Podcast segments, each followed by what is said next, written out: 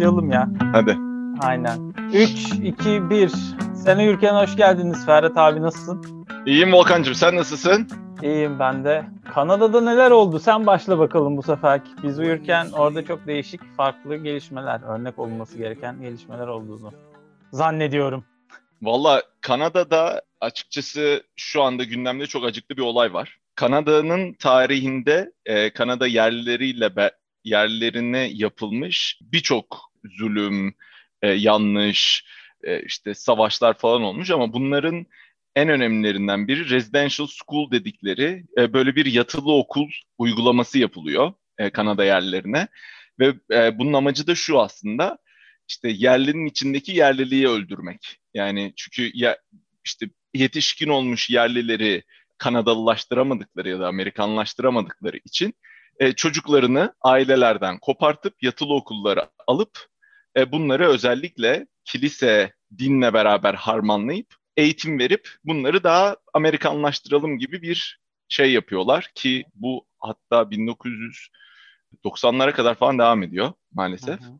Ee, şöyle bir şey söyleyeyim. Ölüm oranı bu okullarda e, hastalıklardan ya da abuse'dan ölüm oranı e, yaklaşık yüzde otuz seviyesinde. Yani dünyadaki en büyük işte pandemi o da kıyaslanmayacak şekilde kötü.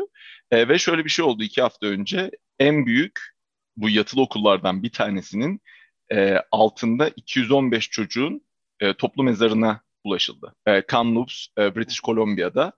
Bu tabii çok ses getirdi. E, yani hem e, First Nation işte yerli yerli STK'ların e, yaptığı hükümet çıktı özür diledi. Şu an hatta Kanada hükümeti Papa'ya başvurdu. Çünkü bir, bir kilise okulu olduğu için Papa'dan özür talep ediyor Kanada hükümeti. E, dolayısıyla şu an tekrar bu konu gündemde ve bu arada şöyle bir şey söyleyeyim. Kanada yerlileri yerli halkıyla ve yerli halkına yaptığı yanlışlarla ilgili yıllardır evet. yüzleşmeye çalış çalışıyor. Yani mesela şöyle söyleyeyim, hiçbir yerli halktan e, şu an işte vergi alınmıyor. O yüzden zaten Amerika'nın genelinde böyle bu arada. O yüzden zaten yerli halklar e, maksimum kazanç getirebilecekleri daha çok kasino işlerine giriyorlar. Çoğu kabilenin kasinosu var. e, evet. Çok özür dilerim ama. evet çünkü e, yani çok e, bunun da tabii getirdiği başka sıkıntılar var. Totem e, yapılabiliyor mu peki kazinolarda? Ve... Yoksa totem yapanları direkt ocak dışı mı ediyorlar yani kabile olduğu için ocak dışı. Yani şöyle minimum alanda maksimum gelir sağlayabilecek ve herhangi bir e, yani hükümet sisteminden de arındırılmış. E, dolayısıyla kasino yapıyorlar, tarım işleri var. E, yani kasino bana çok ilginç gelmiş yani niye bu kabilelerde bu kadar şey yapılıyor? Aslına bakarsanız kasino dünyasındaki büyük para vergileri gittiği için e, vergi ödemeyecekleri zaman o geliri al, alma şeklindeler. Tabii bu iki ucu keskin bıçak durumu var. Çünkü kabilelerde de e, bu işte uğraşanların, onların getirdiği işte drug abuse, işte, e, yani i, i, bağımlılık olsun, alkolizm olsun onun da etkileri var. Yani ben hep diyorum yani Amerika tarihini okuduğunuzda birçok savaş var ama nerede bir sıkıntı oluyorsa onun sonucu her zaman yerli halka daha kötü şekilde oluyor. E, konumuza geri dönelim. Bu 215 çocuk mezarı bulunduktan sonra şu an tüm Kanada'da bununla ilgili ne yapabiliriz? Tekrar e, işte bu yatılı okulları tekrar araştırma arıyorlar. Bunların sorumluları ilgili aksiyonlar planlıyorlar. Dolayısıyla Kanada'nın gündemi şu an bununla dolu. Bunun üstüne zaten geçen senelerde başlayan e, birazcık da Black Lives Matter hareketiyle beraber e, hatırlarsın belki NFL'in kurucu takımlarından Washington Redskins adını e, Washington Football Team olarak değiştirdiğini geçici bir süre. Ondan sonra başka bir isimle tekrar çık- çıkması planlanıyor. Şu an hala Washington Washington Football Team. Hı hı. Sanırım 2022'de yeni bir isimle tekrar girecek. Bu sırada Kanada Futbol Ligi'nde de Edmonton yani bizim benim yaşadığım yerin işte benim yaşadığım yerin böyle 3 saat kuzeyinde e, Alberta'nın ikinci büyük şehri hatta yani ana şehri diyebiliriz. Edmonton'ın Kanada futbolu takımının ismi Edmonton Eskimos'du. O Eskimos'u da değiştirdiler ofensif bir e, söylem olduğu için. Edmonton Elks olarak hayatına devam ediyor. E, onun dışında Kanada ile ilgili takip ettiğim en son Kanada Türkiye kadın voleybol maçını izledim. Kanada iyi direndi ama Ebrar'ın karşısında durmak çok mümkün değil. Ee, büyük canavar gibi geliyor yani açıkçası. Ben geçen sene Tokyo Olimpiyatlarında canlı izlemiştim. E, olimpiyat elemelerinde. Yani birazcık daha bana böyle yürüyüşünden, duruşundan böyle belki antrenman, maç öncesi filan da görüntülerini gördüysen Ebrar'ın hani nasıl ayakta duruyor bu? Nasıl zıplıyor? Çok böyle dengesiz yürüyor gibi geliyor çünkü. Ama sahaya çıktı mı gerçekten karşı konulamaz bir sporcu olarak performans sergiliyor. Zaten o da İtalya'ya transfer yaptı bu sene. Uzun ya zaten şöyle bir şey. Uzun zamandır Türkiye'den İtalya'ya, yurt dışına bir Türk voleybolcu da göndermiyorduk. Yani en son benim hatırladığım Neslihan Demir var. Ee, bir de sanırım Rusya'ya gitmişti. Ee, Neriman, Neriman olabilir. Bulgar asıllılardan bir tanesi. O da o yüzden muhtemelen Rusya'yı tercih etmiştir diye düşünüyorum. Ama yani şey durumu vardı. Avrupa'nın en iyi ligi Türkiye. O yüzden tüm dünyanın da en iyi oyuncuları ve Avrupa'nın oyuncuları burada oynuyor. Ama İtalya'ya tekrar bir kayış oldu son dönemde. Yani Ebrar'ın gitmesine sevindim. Türkler de yurt dışında oynasın yani. Burada tamam Vakıfbank, Eczacıbaşı okey de bir de ne bileyim yabancı takımlarla gitsin Gorgonzola'yla e, Ebrar kazansın. İşte ne bileyim İspanya'daki bir takımla öbürü Moskova'yla e, Neriman kazansın filan. Onu da görmek ister insan. Yani Bence Türk sporcuların yani filan izliyorsak Lille'de şampiyon. Aynen öyle. Onu söyleyecektim. Yani Fransa'da şu an işte Türk rüzgarları esiyor. Nedeni Türk hükümeti değil yani oradaki Türk futbolcular açıkçası özellikle. Ee, Ebrar'ın İtalya'ya gitmesi de o anlamda bence iyi olur e, Ebrar'ın ilginç tarafı şu ya bu kadar uzun boylu olup hem bu kadar güçlü olup hem bu kadar iyi zıplayabilmesi. Yani evet. üçünü bir arada bulunduran yani mesela ben yanlış hatırlamıyorsam Gamova vardı. O da çok uzundu ama ne o kadar güçlüydü ne o kadar iyi zıplıyordu. Yani tabii şöyle bir şey var ya Ebrar'ı durduramadıkları zaman Ebrar'ı durduramıyorlar ama durdurabildikleri zaman biraz Türk takımının sıkıntıları oluyor açıkçası. Yani biraz kilit noktası o. Ama şu an çok iyi gidiyorlar. 4'te 4 yaptılar yanlış hatırlamıyorsam. Dün de Çin'i yendiler. 5 olması lazım Çin'le beraber. Bayağı Şu an iyi çok gidiyor. iyi gidiyorlar. Yani Kanada karşısında e, zorlanıldı açıkçası. 108-106 önde Kanada aslında toplam sayılarda.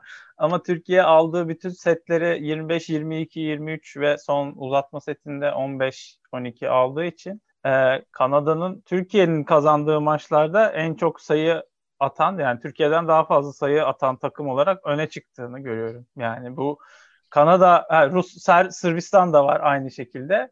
Kanada adına sevindirici bence bir sonuç. Ee, çok dirayetli çıktılar yani e, çok iyi savunma yapıyorlar, e, çok bırakmıyorlar yani çok disiplinli oynuyorlar. Kanada'yı ben çok beğendim açıkçası. Onun dışında Kanada'da tabii şu an bütün hayat yani işte yerli halkla hesaplaşma bu, bu durumun yanı sıra spor tarafına baktığınızda Kanada'nın tek sporu vardır o da hokeydir ve şu anda hokey playoffları var. Dolayısıyla hayat e, playoff zamanı maçları olduğu zaman mesela çıkıyorsunuz dışarı havalar da ısındı burada.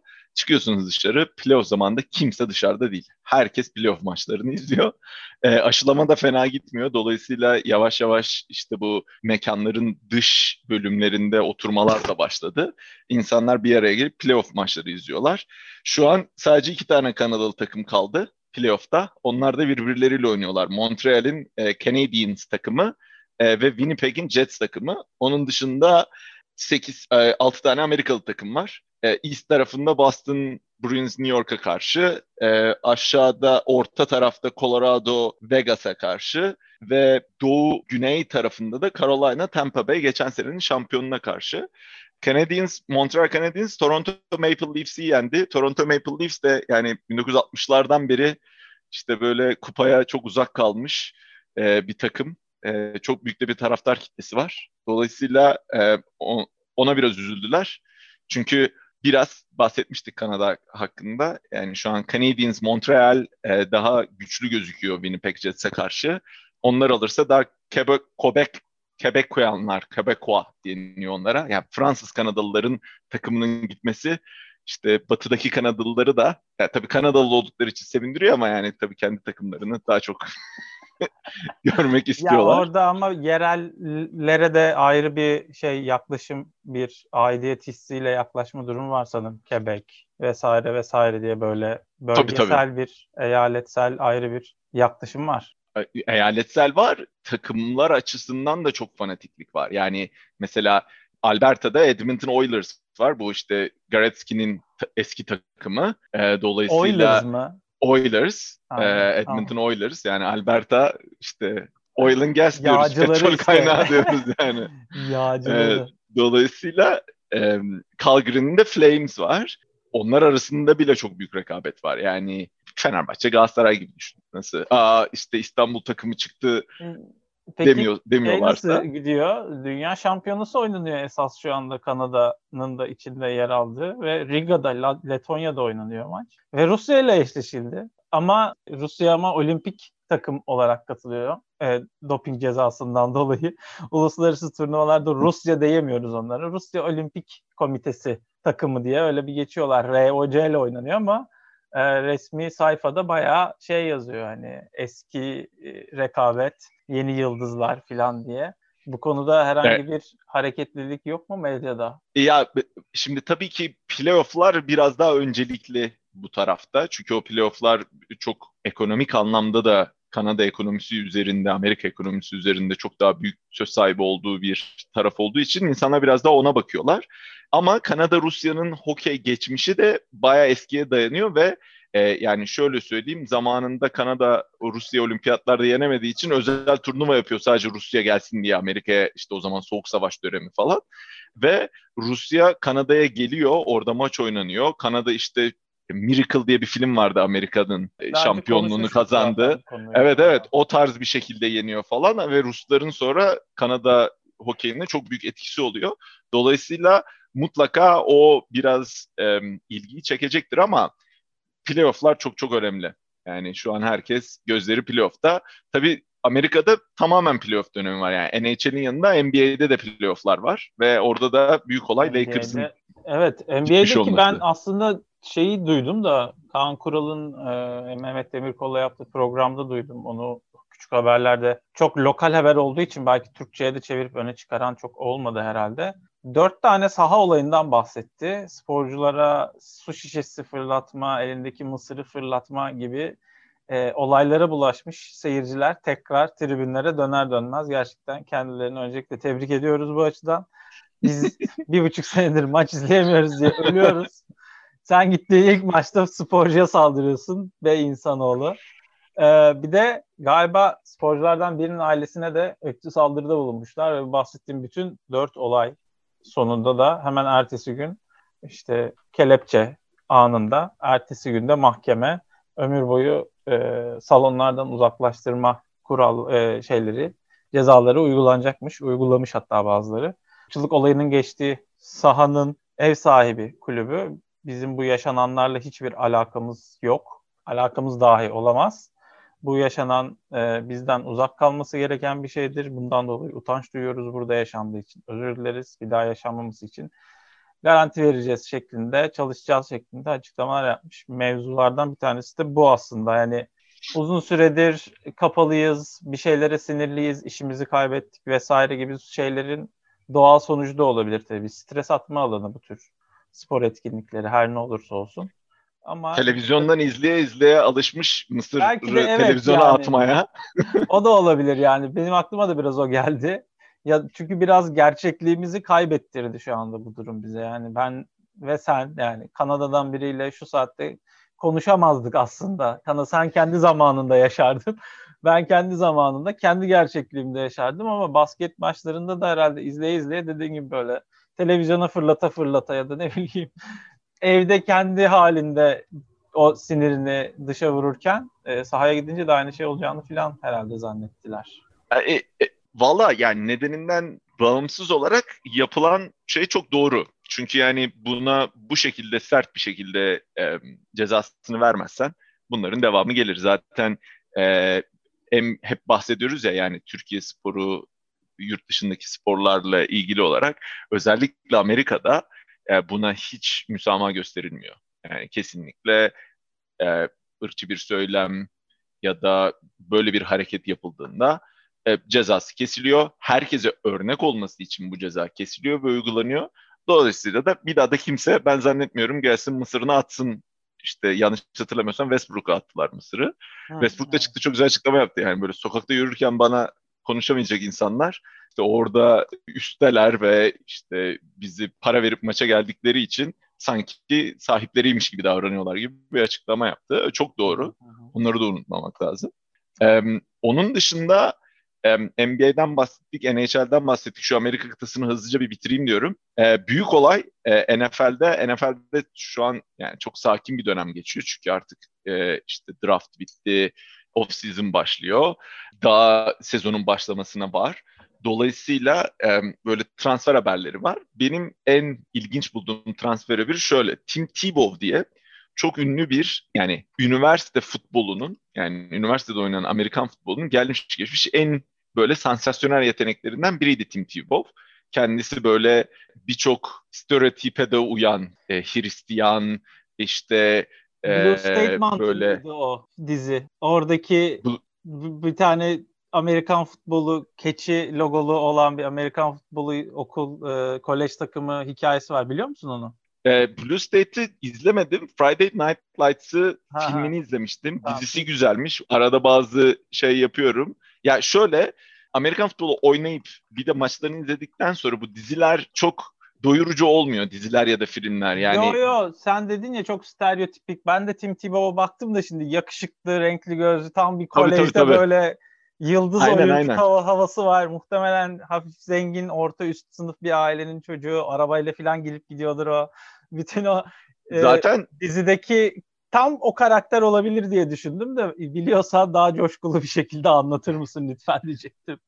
ya bir de zaten şöyle şey vardı. Tibo ilk lige girdiğinde şöyle dua etme hareketi var bunun böyle dizinin çöküyor, dua ediyor, öyle sahaya giriyor falan. Hatta T-Bowing hashtag ile insanlar böyle o pozları falan veriyorlardı. Böyle çok popüler bir karakterdi. Çok yani böyle bir herhangi bir draması olmayan bir karakterdi. Lige girdi ve ligde başarılı olamadı. Yani gittiği takımlar olsun, oynama stilinin uymayışından olsun NFL her zaman şunu diyoruz zaten. Yani e, kolejde çok başarılı olabilirsin. Kolej çünkü çok NFL gibi bir lig değil. Yani çok iyi takımlar var ama yani e, oyuncu sirkülasyonu nedeniyle, jenerasyonlar nedeniyle üniversitede çok başarılı olan sporcuların hepsi NFL'de de çok başarılı olamıyor. T-Bow'da çok isteniyordu. E, çok forma sattırdı büyük ihtimalle ama başarılı olamadı. Sonra NFL'den ayrılıp yanlış hatırlamıyorsam NBA, yok NBA nereden çıktı ya? şey, e, alt liglerde beyzbol yaptı. Olabilir yani. E, hatta hala Michael Jordan da NBA'den beyzbola geçti. Sonra beyzboldan bir daha bir NBA falan mı yapsam dedi geçti. Şimdi Tim Tebow'dan niye bahsediyoruz? Şöyle bir olay oldu. Bu senenin en büyük draft piki e, seçimi birinci sıradan Trevor Lawrence diye gelmiş geçmiş en iyi quarterbacklerden biri olacağı inanılan yine Tim Tebow gibi yakışıklı uzun saçlı tam stereotip bir quarterback Jacksonville Jaguars'a geçti draft oldu. Bu drafttan sonra Jacksonville Jaguars aynı zamanda koçunu da değiştirdi. E, ve getirilen koç, üniversiteden koç ve Tim Tebow'un eski koçu. Ve Tim Tebow da takıma geri döndü. Fakat oyun kurucu olarak değil, tight end pozisyonunda geri döndü. Zaten Tim Tebow'un işte NFL'i bıraktığı zaman, döndüğü zaman fotoğraflarına bakarsan Tim Tebow çalışmış, durmamış yani. Böyle kollar olsun, vücut olsun böyle kendine çok iyi bakmış. Ama farklı bir pozisyonda döndü. Dolayısıyla şu an e, Jacksonville'de uzun süredir çok kötü bir takım. Böyle bir heyecan yaratma oldu açıkçası takım çerçevesinde. Pozisyonu yani. oyun kurucudan neye değişti ben tam anlamadım. Savunma bölümü. Taydent'e geçti. Taydent'e nedir geçti. abi şimdi Taydent'i hemen anlatayım. ki Libero'ya geçti. Tamam anladık. Taydent'i bilmiyor musun arkadaşım? Taydent şu. Bilmiyorum. Ben Tai var onu biliyorum. Muay Thai var filan. Taydent Taydent pozisyonu ofansta bir topu alıp koşan koşucular var. Bir de oyun kurucunun pas attığı top tutucular var, wide receiver'lar var. Aha. Bunların ikisi arasında e, hani böyle oyun kurucunun önünde sıra olan çok büyük adamlar var ya, evet. line oyuncuları, evet. çizgi oyuncuları diyoruz. Evet. Oyun kurucu pası atana kadar onu koruyorlar. Evet. Onların sağında ya da solunda yer alabilen bir pozisyon var. Bu tight end. Bu yerine göre blok koyuyor. Yerine göre koşup pas tutabilen tek adam çizgi oyuncusu aslında. Dolayısıyla hmm. Yani Tim Tebow hem blok koyabileceği hem de arada çıkıp pas atabileceği bir pozisyona geçmiş oldu. Pas atabileceği. Pas tutabileceği. tutabileceği. E, pas tutabileceği ama tabii yani bazı trik oyunlarla da büyük ihtimalle işte ona topu verip onun da pas attığı oyunlar mutlaka olacaktır Arada diye düşünüyorum. sırada değil yani. mi öyle ikinci pasla oyunlar oluyor böyle sağa doğru bir tane pas çıkarıp. Evet yani ileri bir pas atılabiliyor. Lateral ya da geriye attığınız sayısız pas rugby kuralları orada geçerli oluyor. Laf at, rugby'ye laf at ondan sonra gel burada rugby'den şey yap. Sıkışınca sıkışınca yap. Yana pas Aynen öyle. ya. Allah Allah. Hadi olsun bakalım. Ama güzel hikaye. T-Bow'un e, kendine farklı bir pozisyonda deneyecek olması. Bir de hem sayı yapabilecek hem de sayıyı yapacak kişiyi koruyacak yani arada sırada da. Aynen öyle. Kameranın ee, önünde. Söylenti şu. Tim Tebow tabii böyle takıma çok iyi liderlik etmiş zamanında işte üniversitede Florida Gators'da çok iyi liderlik etmiş. Bulunduğu takımda da takımlarda da genelde böyle bir motivasyon getiren liderlik özellikleri olan bir adam olduğu için koçunun geri getirildiği düşünüyor. Dolayısıyla soyunma odasında yeni üniversiteden gelmiş yıldız oyun kurucuya destek olabilecek bir abi modunda.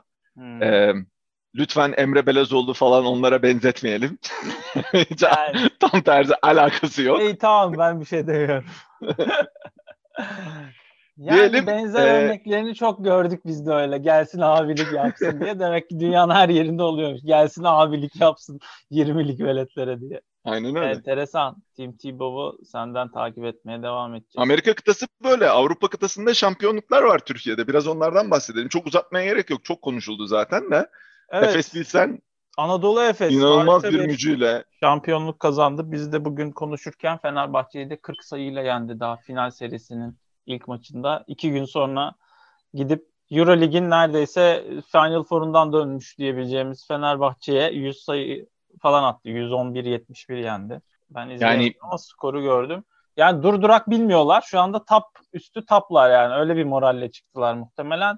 Ve diğer yandan tabii hani çok polemikli bir yerden başladık bunu konuşmaya ama Fenerbahçe'nin tebrikler mesajı atmamasından dolayı böyle bir hırsla çıkıp 40 sayıyla kazanmış olabilirler diye düşünüyorum. Çünkü maç sonrası bu kupayı ilk kazana, bu şerefe ilk nail olan kulüp olarak çıkıp kupamıza kardeş geldi şeklinde gibi bir tebrik yapabilirdin ve hani bizde de var diye hatırlatabilirdi sevgili Fenerbahçe ama bunu yapmadı. Ee, onun üzerine de Euroleague'de şampiyon olan Anadolu Efes 40 sayıyla cevap verdi gibi bir durum var ortada. Ali Koç bir sonraki basın toplantısında bir gün sonraki basın toplantısında tebrik etti Anadolu Efes'i ama İş işten bir, geçtikten sonra. O, evet artık o bir savunma olmaktan çıktı ya. Hani biz resmi olarak başkana canlı yayında yaptırdık. İşte ne istiyorsunuz? Yani olur olmadık TFF'nin hakem atamasına saniyesinde böyle WhatsApp mesajını bir tane görsele otomatik olarak stajyerlere yapıştırtıp tweet attırmayı biliyorlar. Böyle şeylerde yapmıyorlar. Gerçekten e, ilginç karşılıyorum. Hadi bu konuyu bir kenara koyalım. Anadolu Efes yani Köln'de keşke seyircili olsaydı o maç da e, en azından maçın olacağını bildikleri zaman buradaki Türklerin de katılacağı bir e, coşkuyla sahanın etrafı o gün Köln'ün en muhteşem hafta sonu filan olurdu. Çünkü aynı hafta sonu Köln ligde kalmayı garantiledi. Ve Peki maç çıkışı bir şey olmadı mı? Maç dışı hiç. hiçbir şey olmadı. Hiç ne fan zone ne salonun etrafında ben iki kere geçtim aynı e, maçtan önceki günde maç günü de. Sahne etrafında, salon etrafında bir Ömer Onan'la Mirsat Türkcan'ı gördüm. O kadar. Onlar da işte salon etrafında. Ya bir Türkler bayrakları alıp gitme falan filan hiç, oluyor hiç Hiç alakasız abi. Yani cumartesi günü de oradan geçtim. Pazar günü de geçtim. Hatta pazar günü yanılmıyorsam Tibor Plyce falan çıkmış fotoğraf çekiyordu böyle kendisi Könlü Anadolu Efes'in pivotu bir tane oyuncuyla beraber böyle Anadolu Efesli eşortmanıyla gitmiş. Kimse rahatsız etmiyor, kimse bir şey yapmıyor etrafında, kimse yok. Alman medyası İzlemediler da... mi acaba abi yani? Yok yani... E, etrafta da Alman. izleyen yoktu yani. Ben ev arkadaşıma söyledim. Alman, Hamburglu, sıradan bir 30'larında bir, benim gibi spor takip eden biri yani. Ama Final Four var diyorum, basketbol var diyorum. Ya işte öyle mi bilmiyordum falan diyor böyle. Yani bütün herkes aslında böyle Almanya'da ilgi yoktu. O yüzden ilgi daha da az oldu. Maça gelirsek de yani Sertaç'ın devreye girerek başlaması güzel bir belki C planıydı. Öyle bir C planı ile çık başlamak durumunda kaldı Anadolu Efes. Barcelona sert savunmayla başlayınca Sertaç da şaşırtarak da olsa güzel bir katkı verdi. İlginç. o, o performansını iki gün sonra hemen işte Mehmet Demirkol yeni bir programa başladı. Orada değerlendiriyor. Onu da önereyim izleyenler. Hani ben de böyle kendimden beklemiyordum gibi bir şey çıkıyor aslında söyledikleri. Çünkü beklentilerin üstüne çıktı yani Sertaç Şan'la özellikle son playoff maçlarında, Real Madrid maçlarında vesaire. Maç boyunca da yani daha az üçlük atıp çok sayıda e, savunma çizgisine giderek onlardan da katkı alıp iki sayılara ağırlık vererek bir galibiyet almış olması sonunda hani hadi üçlük hadi üçlük hadi üçlük diye böyle tutturan bir takımdan uzak bir görüntüyle de e, şampiyon olunabileceğini gösterdi ki baktığım zaman bu oyun iki sayılıklarla aslında oynanan bir oyun. Aslında olması gereken sayı modelini uygulayarak şampiyon oldu Anadolu Efes. Bir yere gidiyor gibi oldu ama iki guardla falan oynarken de Larkin'le Misic'le iyi direndi. Nok kritik noktalarda önde kalmayı başardı Anadolu Efes. Gelmeliydi bu başarı artık. İşte 2020'de gelecekti. Ergin Ataman yıllardır bu seviyelerde zaten Anadolu Efes'te. Hakeza Beşiktaş'la ve Galatasaray'la da yükselebildiği seviyelerin en yükseğine kadar çıkmış, o tecrübeleri yaşamış biri. Yani Obradovic için 2017'de ne diyorsak şu anda Ergin Ataman için aynısını diyebiliriz. Tabii ki Avrupa takımlarıyla da EuroLeague kazandığı zaman o zaman Obradovic'den de daha büyük bir koç haline gelecektir Avrupa basketbol tarihinde. Şu anda Sadece orada bir şey diyeceğim. Obradovic konusunda evet e, yani Ergin Ataman çok iyi ama şunu da unutmak lazım. Obradovic bir birçok farklı takımla bu kupayı kazandı. Yani devamlılığı da olan bir şey. Yani Anadolu Efes'in hep Efes Bitsen diye isim geliyor. Efes Bitsen diye de sonrasında abi, sevindiler ya. Efes Bitsen futbola artı bir olur. Artı bir hepsine bize sponsor olabilirsiniz. Duydunuz burada. Efes Bitsen yani Anadolu Efes'in bundan sonra bunu kazandıktan sonra devamlılığı hem Ergin Ataman hem de Anadolu Efes için geçerli. Çünkü her zaman seninle söylüyoruz yani bir kere şampiyon olmak kolay bir şey değil ama e, yani 2-3 kere şampiyon olup onun devamlılığını getirmek ayrı bir seviye. Yani o seviyeye çıkmak başka bir şey. Dolayısıyla inşallah bunun önüne açılır. Çünkü onun gibi gözüküyor Aha. açıkçası. E, öyle devam edecek gibi gözüküyor. Aha. Obradovic'in çünkü bence özgeçmişinde olan şey sadece bir iki takımda başarılı olması ya da bir iki şampiyona değil yani tamamen koç olarak bir farklı takımlarla dominasyonuydu yani. Ergin Ataman'dan da onu görmeyi çok isteriz. Evet yani onu işte Obradovic 2017'de neyse demek istediğim oydu yani. 2017'in evet, sene en olarak Obradovic'ti. Evet. Şimdi de Ergin evet. Ataman bu senede. Onu demek istiyorum. Ama işte senin dediğinde o yüzden eklemeye çalıştım. Yani Ergin Ataman gidip CSK'yla, Barcelona'yla, Real Madrid'le belki ne bileyim Milano'yla e, böyle kupalar kazanırsa o zaman Obradovic'i de geçer ve yani şu anda hani Türkiye'de Avrupa basketbolu olarak baktığım zaman işte bir Klopp var diyebiliriz. Çünkü adam isimsiz basketbolculardan yıldızlar yaratıyor. Yani Shane Larkin kimdi neydi bilmiyoruz abi. Birkaç yıl öncesine kadar bunlar no name adamlar ki Larkin'in numarasının sıfır olması da galiba hep alttan başlayıp da en zirveyi hedefleyeyim diye böyle bir, bir şeylerden bahsettiğini hatırlıyorum. Ya da ne bileyim Singleton, Be Beboa falan bunlar okey Avrupa basketbolunda belki önemli adamlardır. Amerika'nın e, NBA'inde ya da daha alt gelişim liglerinde bir şeyler yapıyorlardır. Ben takip edemedim hepsini bu sene o kadar fazla ama yani no name adamlar açıkçası milli takım maçlarından vesairelerden kulüplerden bazılarını izliyorum. Böyle isimler karşıma çıkmıyor öyle. Dekolo falan değil yani demek istediğim o yani Dekolo'yu Evet evet ama şimdi koçlukta koçlukta o yüzden koç... Klopp da o yüzden örnek verdiğim isimdi. Yani Alexander Trent Arnold. Non, no name bir adam. Sadio Mane no name bir adamdı yani Liverpool'a gelene kadar. Vardı bir potansiyeli. Southampton'dan bastı parayı aldı filan. Salah vardı bir bir potansiyeli de eh işte filan. Yani Ataman'da e, scouting açısından e, ne kadar önemli bir e, hoca olduğunu kanıtladı burada. Ya şöyle bir şey var. Eski bir koç olarak koçluk hakkında birkaç kelam edeyim. Şimdi futbol koçluğu birazcık daha scouting'e daha yönelik bir şey aslında. Yani tabii sistem de var ama oyun içerisinde e, bir basketbol, bir Amerikan futbolu kadar müdahale edemediğin için o 90 dakikada yani böyle molasıydı, oysuydu, busuydu çok fazla yok. Dolayısıyla benim gördüğüm kadarıyla norm e, futbolda işte scouting çok önemli. Doğru adamlar, doğru oyun planı ile çıkıyorsun.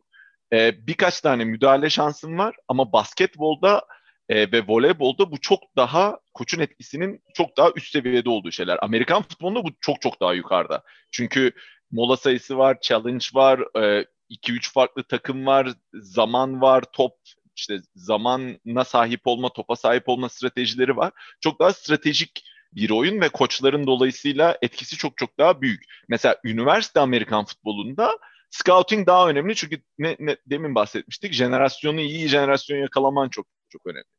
Şimdi e, Ergin Ataman'ın scouting'in yanı sıra ben şuna da dikkat et, çekmek istiyorum. Oyun esnasında takımın motivasyonunu, oyun planını, karşı takımın dengesini bozmayı, zamanı kullanmayı, topa hakim olmayı onlarda da çok üst seviyede bir koçluk yapıyor. Yani o biz genelde tabii insanlara birazcık e, nasıl diyeyim bu işlere bakarken oyuncular üzerinde çok konuşuyoruz ama oyuncular üzeri e, mental oyunu koç kazanabiliyor mu? Onu koruyabiliyor mu? O bence çok çok önemli. E, ve Ergin Ataman'ın belki bence en iyi yaptığı şey bu. Takımını mentor olarak her zaman üst seviyede tutuyor. Bunun ben mesela bir örneğini şeyden verebilirim. Amerikan futbolundan verebilirim. Patriots'ın koçu işte Bill Belichick gelmiş geçmiş en iyi koçlardan biri olarak tabir edilir. Yani maçı izliyorsunuz şöyle söyleyeyim. Maçın bitmesine 5 dakika var. Hı hı. Patriots bir sayı geride ama öyle bir oyun düzeni var ki yani sen seyirci olarak şunu hissediyorsun. Diyor ki yani Patriots bir sayı atacak bunu karşılayacak karşı tarafın zamanı kalmayacak ve panik yapacak diyorsun ve gerçekten öyle oluyor. Çünkü o oyun stratejisi, o verdiği oyunlar, o oyuna müdahaleyle bunu e, sahaya yansıtabiliyor. Ergin Ataman'ın da en iyi yaptığı şeylerden biri bu.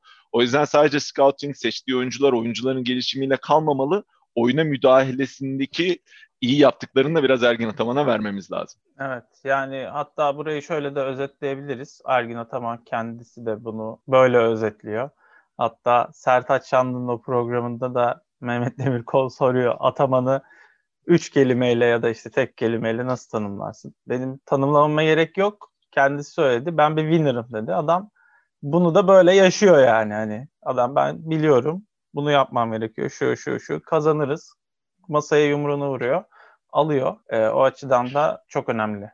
Çünkü Euroleague'de şöyle bir şey var. Yani NBA playoff serisinden farklı olarak tek maçta bittiği için. Orası e, şüphesiz. Ama sadece o e, değil tabii. Ya, tabii ki hayır ama şöyle bir şey var. Onun planı da farklı. Çünkü şöyle bir şey söyleyeyim. 100 kere oynasa Barcelona atıyorum Efes belki sadece birini kazanırdı.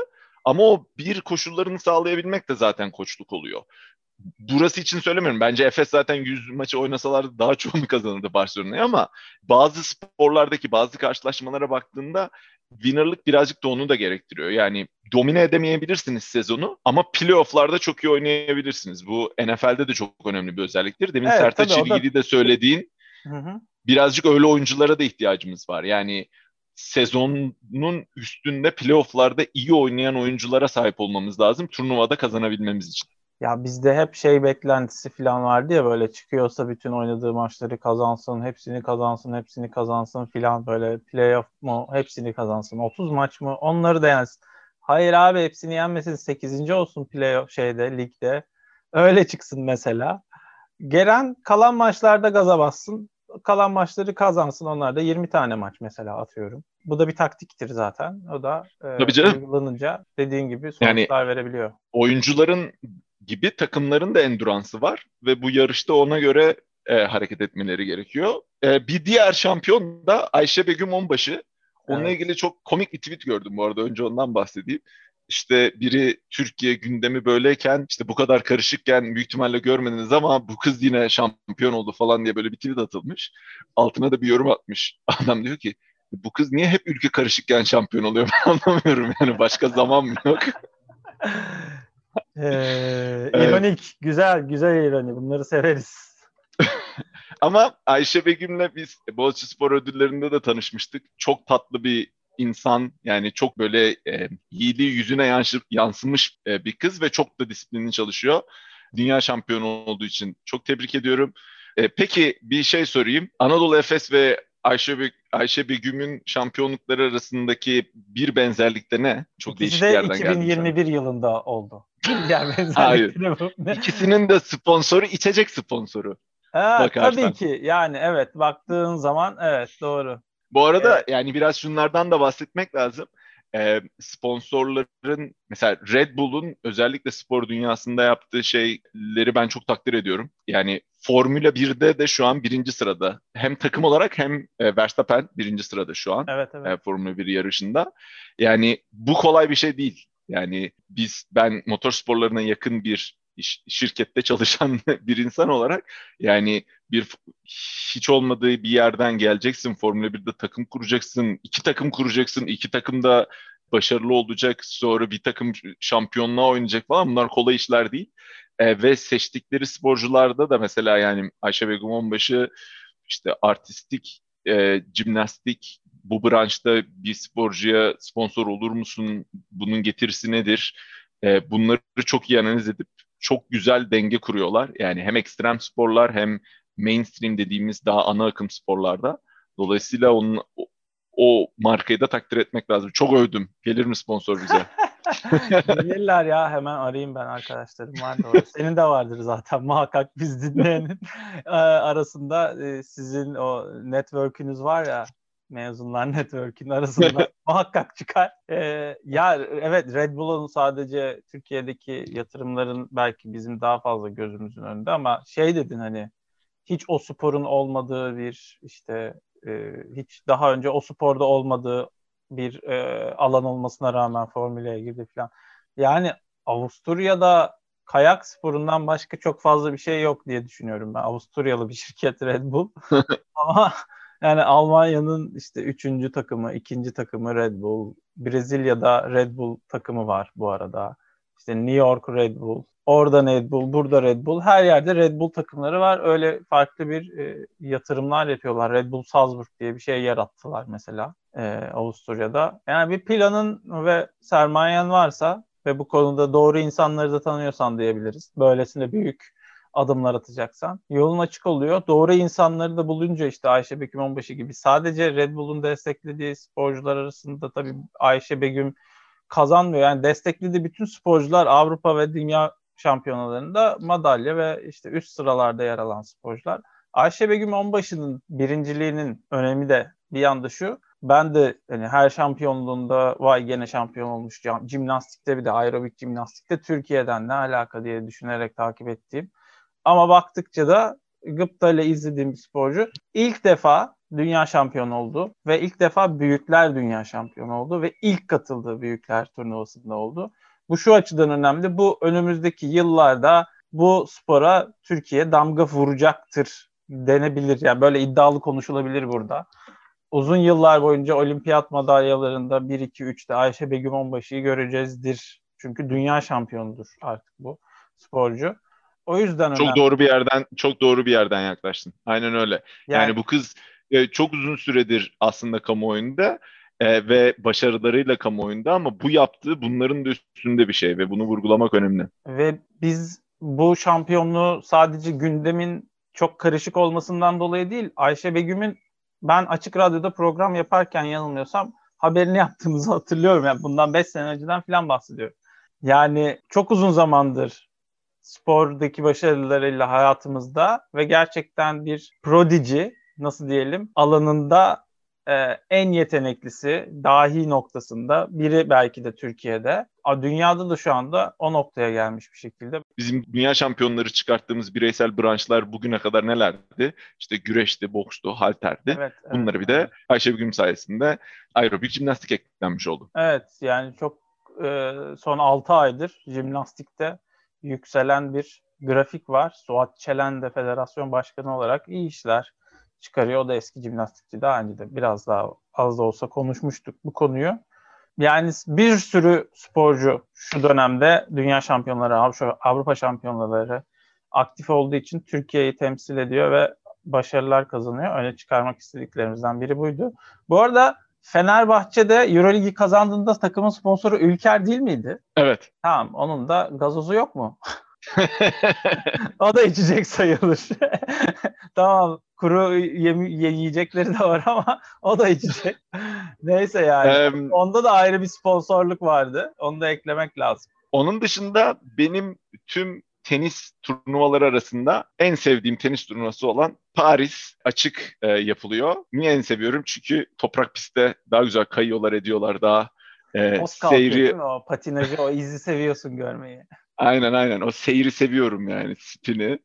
Toprak ağasını da göreceğiz. Nadal'ı yakında çıkar.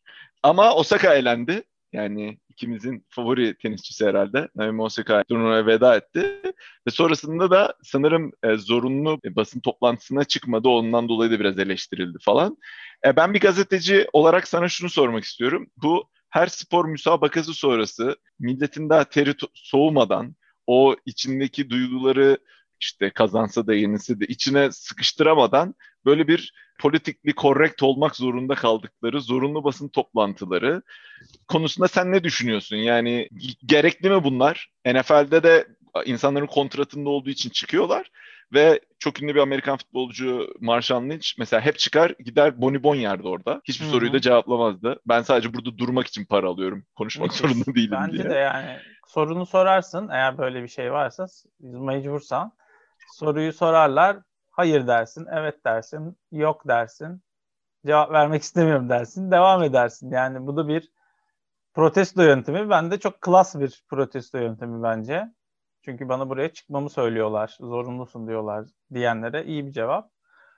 Gazeteci olarak ben de aslında çok anlam veremediğim bir şey mesleki açıdan. Çünkü hakikaten teri kurumamış, çok farklı hala kalp ritmi 120'nin 150'nin üzerinde maçta Abi ne 40 oldu? derecede 5 saat top top peşinde koşmuş ha, bir yani de ya. Yani tenisten bahsedersek aynen yani saatlerce teniste topa vurmuş.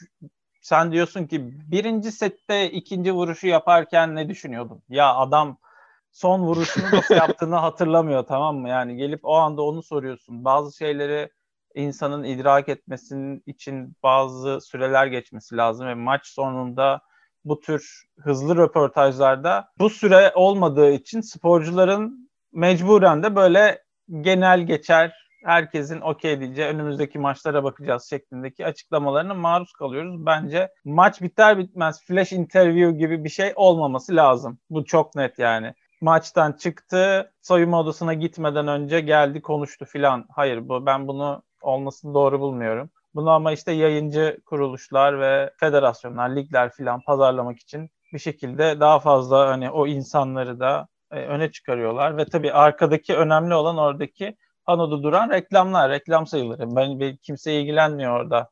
Hakeme mi laf etti, bilmem ne mi laf etti. Onu orada zoraki olarak tutan kişilerden bahsediyorum. O sporcuları ve antrenörleri. Yani tek dertleri arkadaki panoda işte Adidas gözüksün, Avis gözüksün filan falan olduğu için çok sağlıklı bir süreç olmuyor onlar. Benim o konuda söyleyeceğim o yani mecbur bırakılmaları şey değil, e, mantıklı değil. Ama mesela e, maçlar arasında çok az süre olduğu için onu da bekleyemiyor. Yayını ona göre ayarlayamıyor. İşte Dünya, Avrupa Şampiyonası gelecek ve benzer bir şey yaşayacağız. İki, iki maç arasında birer saat olacak falan. İşte sporcuların basın toplantıları hemen flash interview vesaire vesaire. Bence tenis için mesela tenisin ve işte atıyorum voleybol gibi ya da daha başka sporlar gibi bireysel sporlarda mesela özellikle böyle çok daha kompakt bir şekilde insanlar iletişime geçerek bu tür basın toplantılarını organize edebilir. Yani 5.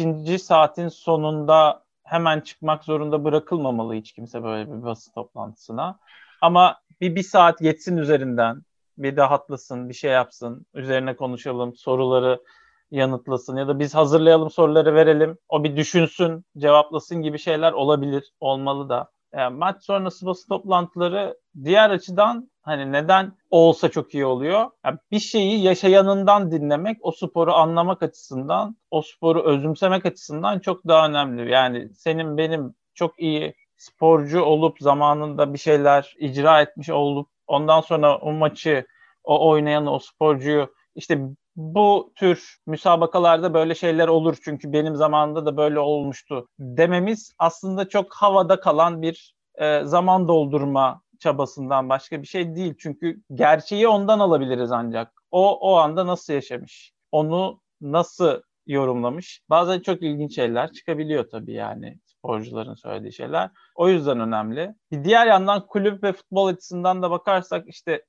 kulüp iletişimi, futbolcu ve taraftar ve basın iletişimi yani bu bu açıdan da medyada görünürlük, kulübün imajı vesaire biraz böyle çok piyasa ağzı gibi kelimeler kullandım ama normal hayatta da uygun saatlerde buluşma teklifleri edersin. Güzel cümleler kullanırsın. Daha kafanı toparladığın zamanlarda görüşmek istersin belki insanlarla. Bu da böyle bir şey. Hayır benim benim aklıma takılan şey şu. Zaten şimdi o spor hadisesi işte 2 saat, 3 saat, 5 saat neyse belli bir süre sürüyor ve zaten yayıncı kuruluş onu yayınlıyor ve onunla ilgili işte highlightlar alıyorsa alıyor bunu daha bir, bir iki saatte basın toplantısıyla uzatmanın ne şey var ya? Gün içinde ya haftada bir birçok daha bu spor organizasyonunun olmadığı gün var. Yani oralara koy orada insanlar daha rahat kafa bir düşünsünler gibi. İşte, ya, belki soruları önceden paylaş daha iyi cevaplar al. Adamlar bir üstüne düşünsünler. Yani çünkü üstüne düşünmeden verilen cevaplar ya çok çalışılmış sığ cevaplar oluyor. Bir de ben biraz için içeriğine de takılıyorum. Ya da duygusallaşmış, harmanlanmış çıkışlar oluyor ki yani ikisi de çok işe yaramıyor açıkçası. Yani adam belki biraz üstüne düşünse ya da kadın biraz üstüne düşünse bununla ilgili bir şey yapsa içerik olarak daha doyurucu şeyler de alabiliriz yani. Kesinlikle o konuda işte o yüzden hemen maç biter bitmez böyle sporcunun ağzına mikrofon dayamayı çok fazla mantıklı bulmuyorum. Ama maç sonrasında dediğim gibi basın toplantıları farklı şekillerde organize edilebilir. Sporcular e, hemen bize cevap ver baskısı altında bırakılmamalı. Her soruya cevap vermek gibi bir e, nezaket gösteriyor bazen sporcular hakikaten. Bazen çok aptalca sorular sorulabiliyor. Yani bunlara maruz kalmak zorunda kalmak da değil kimse. Yani Türkiye'de bakarsan zaten Türkiye'deki gazeteciler soru sormayı bilmiyor. Öncelikle şöyle başlıyor yani Türkiye'deki basın toplantısında soru sorma ritüeli. Önce başkana yağ çekilir. Sonra takımın performansı övülür. Soru sorulacak futbolcu varsa o da bir, ona da bir övgüler yapılır. Ondan sonra da e, maçla ilgili analizini yapar. Ben böyle gördüm hocam siz ne diyorsunuz der. Bu bir soru bu da değil soru yani. değildir zaten.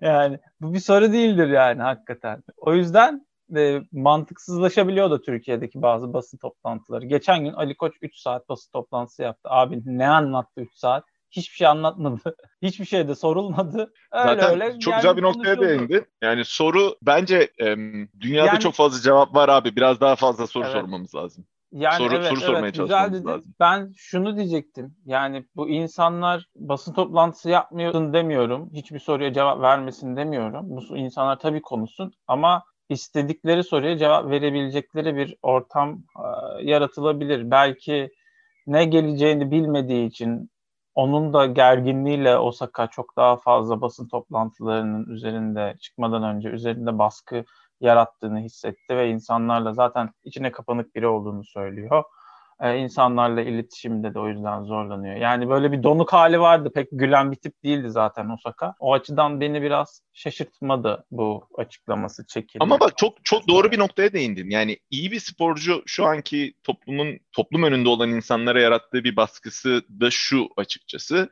Toplum önündeyse, topluma yönelik işler yapıyorsa, ünlü bir sporcuysa çıkıp konuşabilmeli, bunu yapabilmeli falan şeklinde. Bununla ilgili çok ilginç ayrı bir noktaya zıplayacağım ama çok ilginç bir e, deney yapılıyor. Yanlış hatırlamıyorsam Şili'de bir okulda öğrenci komitesi seçimi yapılacak tamam mı? Hı hı. Şimdi öğrenci komitesi seçimleri nasıl oluyor genelde? Çıkıyorsun işte kendi kamp- kampanyanı yapıyorsun işte ben öğrenci kuruluna seçilirsem şunu yapacağım bunu yapacağım falan diye her zaman böyle yapılıyor.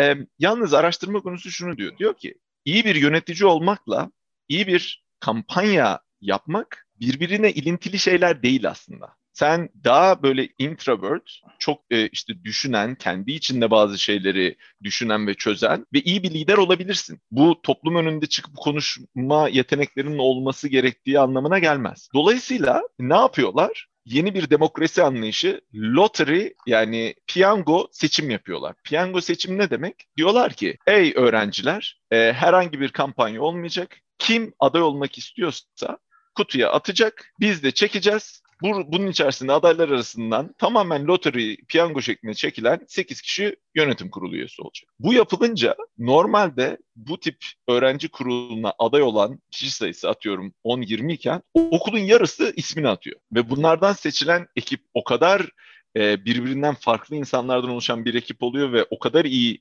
yönetiyorlar ki şu an mesela e, sadece okul yönetimlerinde değil birçok başka yönetimlerde de acaba yani bunu nasıl demokrasinin ve işte reprezentasyonun değişilmesi değişmesi üzerinde nasıl uygulayabiliriz onu konuşuyorlar. Çünkü şunu engelliyor. Bir, işte daha içine kapanık yetenekleri işin içine dahil ediyorsun. İki, normalde kampanya yapan insanlar kendi ekiplerini kuruyorlar ve kendilerine benzer insanları kuruyorlar. Dolayısıyla zaten işte dahil etme kültüründen uzaklaşmış oluyorsun.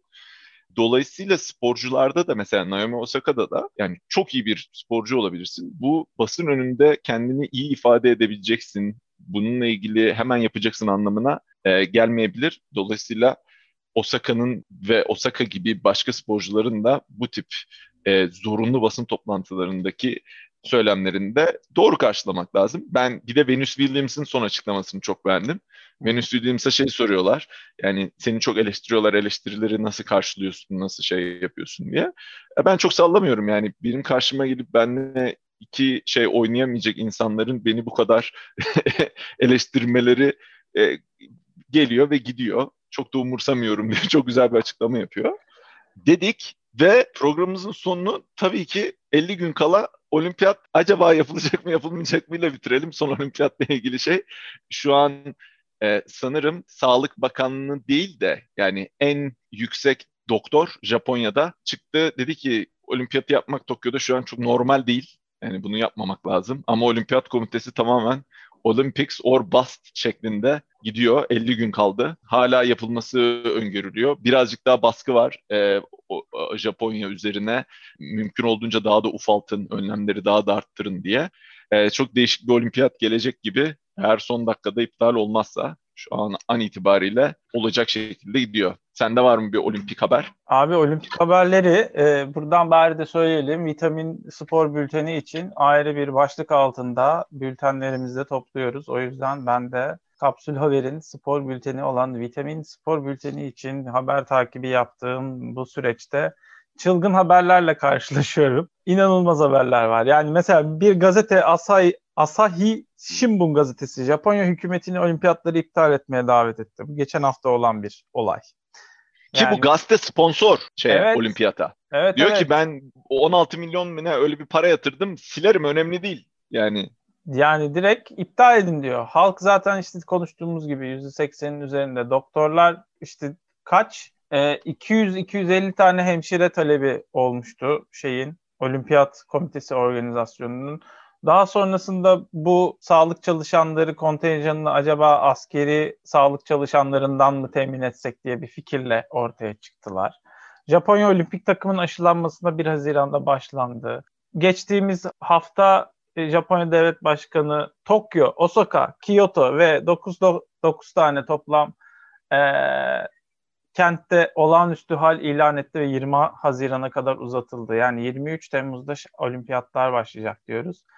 20 Haziran'a kadar olağanüstü hal var kentte. Avustralya takımı bu arada şeye gitti. Tokyo'ya gitti. Avustralya'nın softball takımı galiba hatta ilk ülke oldular. Tokyo'ya uzak bir kasabada kalıyorlar 80 kilometrelik. Bu arada ilginç bir istifa oldu. Japonya Devlet Başkan Danışmanı Yoichi Takahashi diye bir sanırım akademisyen hükümetin salgın aldı, salgın sürecinde aldığı kararları işte saçma sapan kararlar diye de böyle tweetler atmış. Attığı tweetler yüzünden istifa ettirilmek zorunda kaldı. İstifa etti. Japonya'da yani. aşılama da çok geride bu arada. Daha tüm evet, popülasyonun yüzde evet. üçünden az aşılanmış yani. Ya işte dediğim işte... gibi Çin aşısını kabul etmedikleri için ve olimpiyatlar için de öncelikli olarak da onu da ekleyeyim yani şeyi e, BioNTech, Pfizer'ı istedikleri için Almanya'dan da ilişkilerinden dolayı böyle bir talepleri olduğu için onu bekliyorlar mecburen. İlginç bir şekilde. Bu şeye benzeyecek ya. Sports Fest yapardık biz Boğaz içinde. İşte gelen ülkeler, takımları bir şeyler getirirlerdi böyle hediye olarak.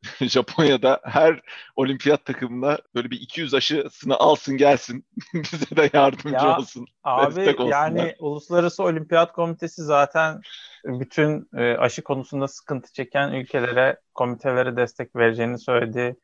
Trinidad Tobago olimpik takımı e, 30, 338 bin euro devlet desteği almış buralara gelmek gitmek için.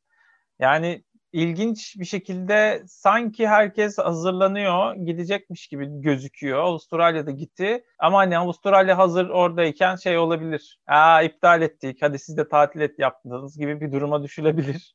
Türkiye'de de aşılanmalar devam ediyor sporculara açıklandı. Olimpik komitede yani devam ediyor derken başlandığını duyduk ve bu süreçte de olimpiyat takımının aşılandığını, aşılanacağını biliyoruz. Yani hazırlıklar sürüyor ama kentte olaylar başka şekilde vuku buluyor. Son olarak da bu konuda açıklama yapan Dick Pound var. Dick Pound kendisi WADA'nın, Dünya Antidoping Ajansı'nın eski başkanı, Olimpiyat Komitesi'nin eski yardımcısı. Bir de Olimpik Broadcaster Chairman'miş kendisi. Yani olimpiyat yayınları hizmetlerinin başkanı ve açıklaması da şu. Olimpiyat oyunlarının gerçekleştirileceğine inanıyorum. Yani bunu söyleyen ve aslında olimpiyat camiasında da işte böyle bir ruhani lider gibi böyle hani büyük büyük onursal başkanımız gibi görülen bir kişinin böyle bir şey söylemiş olması olimpiyat oyunlarını hala yapmak konusunda ısrarın olduğunu gösteriyor. Yaparlarsa da Dick Pound abimizin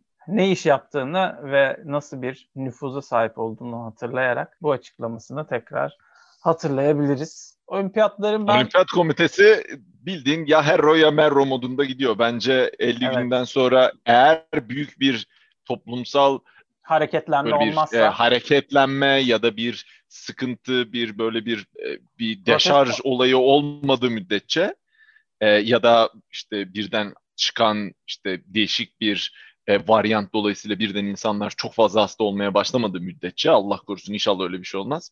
Olimpiyat Komitesi e, sunk cost fallacy dediğimiz şeye düşmüş durumda. Sunk cost fallacy şu yani ben bu kadar para verdim, bu kadar şey yaptım. Şu ana bakmıyorum. Geçmişteki... Binerim tepesine vururum kırbacı, ge- vururum geçmişte... kırbacı diyorlar yani. geçmişteki aksiyonlarımı e, la hareket ediyorum. Bugünüme bakmıyorum. Ben bunu yapacağım da yapacağım modundalar açıkçası. E, inşallah herkes için hayırlısı olur ama yani sporcular nezdinde baktığınızda Kanada'daki olimp olimpik sporcuları da takip ediyorum ben.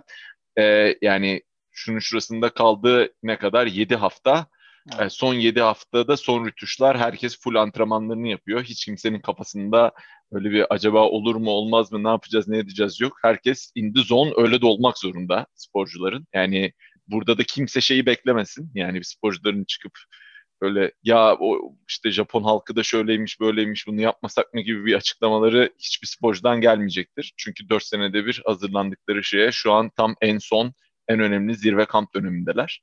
E, bunu mevcut yetkililer yapacaksa yapacak ama onlar da yapacak gibi gözükmüyor. Olimpiyatları izleyeceğiz gibi. Bakalım. Nasıl izleyeceğiz? Yani seyircisiz olması ihtimali var. Seyircilere aşılı, aşısız zorlama ihtimalleri var ya da testli testli. Yine öyle patlamış mısır falan atacak adamları almasınlar da. Valla Japonya'da biliyorsun herkes sakin sessiz bir şekilde ee, Japonya'da aman mısırını da yere dökerse toplayarak e, izledikten sonra kalkıp gidiyorlar. Gerekirse ıslak mendilleriyle dezenfekte ederler, kalkar giderler. Ben öyle düşünüyorum. Ama yani orada yaşayamadığımız yaşamadığımız için yani halkın küçük çaplı protestolarını ben CNN'de gördüm ama dediğim gibi yani bir önceki programda da konuşmuştuk ya bir sürü komplo teorisi. Üst üste binince işte CNN'de böyle bir protesto haberi. İşte New York Times'da süper yayıcı olmasın olimpiyatlar diye bir yazı. İşte bilmem kim iptal edilsin diye baskı yapıyor vesaire. Florida ben çıkıyor ben yaparım diyor filan. Hani o yüzden nasıl bir komploya da dönüşecek onu da izleyeceğiz. Yani bu hala Avrupa Futbol kadar... Şampiyonası olimpik olimpiyatlardan önce mi sonra mı oluyor? Önce. Sonra oluyor. Önce olacak değil mi? Tabii, Önce tabii. olacak. Bu önümüzdeki hafta o başlıyor. Yani bu konuyu çok konuşmadık ama A milli takım falan futbolu vesaire birazcık kenara koyduk. Bir sonraki şeyde başlayalım o zaman diyelim ve seni e, Kanada'nın şu an burada heat wave var. 30 derece oluyor. Wow. İnanmazsın. Evet. O yüzden artık Bodrum Allah, katta yatıyoruz tek soğuk Allah olanı. kimseyi güneşle sınamasın diyorum. İki gündür Almanya'da güneş açtı. Herkes saklarda ama bugün Sokaklara çıktım ben de birazcık gezdim, bir iki tur attım. Bütün çöp kutularının yanları, bira şişeleri, çöp torbaları vesaire. Tam da bu yüzden Allah kimseyi güneşte sınamasın dedim. Yani güneşi gören dışarı çıkmış çöpünü de orada bırakmış. Umarım Kanada'da öyle olmaz bugün Heat Wave'de. Olmaz, olmaz. İnanmıyoruz. Bırakanlar şey yapıyor mu? Özür diliyor mu? Ya özür dilerim falan diye böyle. Kanada'da her şey özür var. var mı? Ortalama günde 12 tane özür dilemediği müddetçe Kanada vatandaşlığını almıyorlarmış. Onu öğrendik. O zaman bir sonraki programda görüşene dek kendinize iyi bakın diyoruz. Ve sizi bu kadar süre başınızı ağrıttığımız için de özür diliyoruz. Where do your fingers go?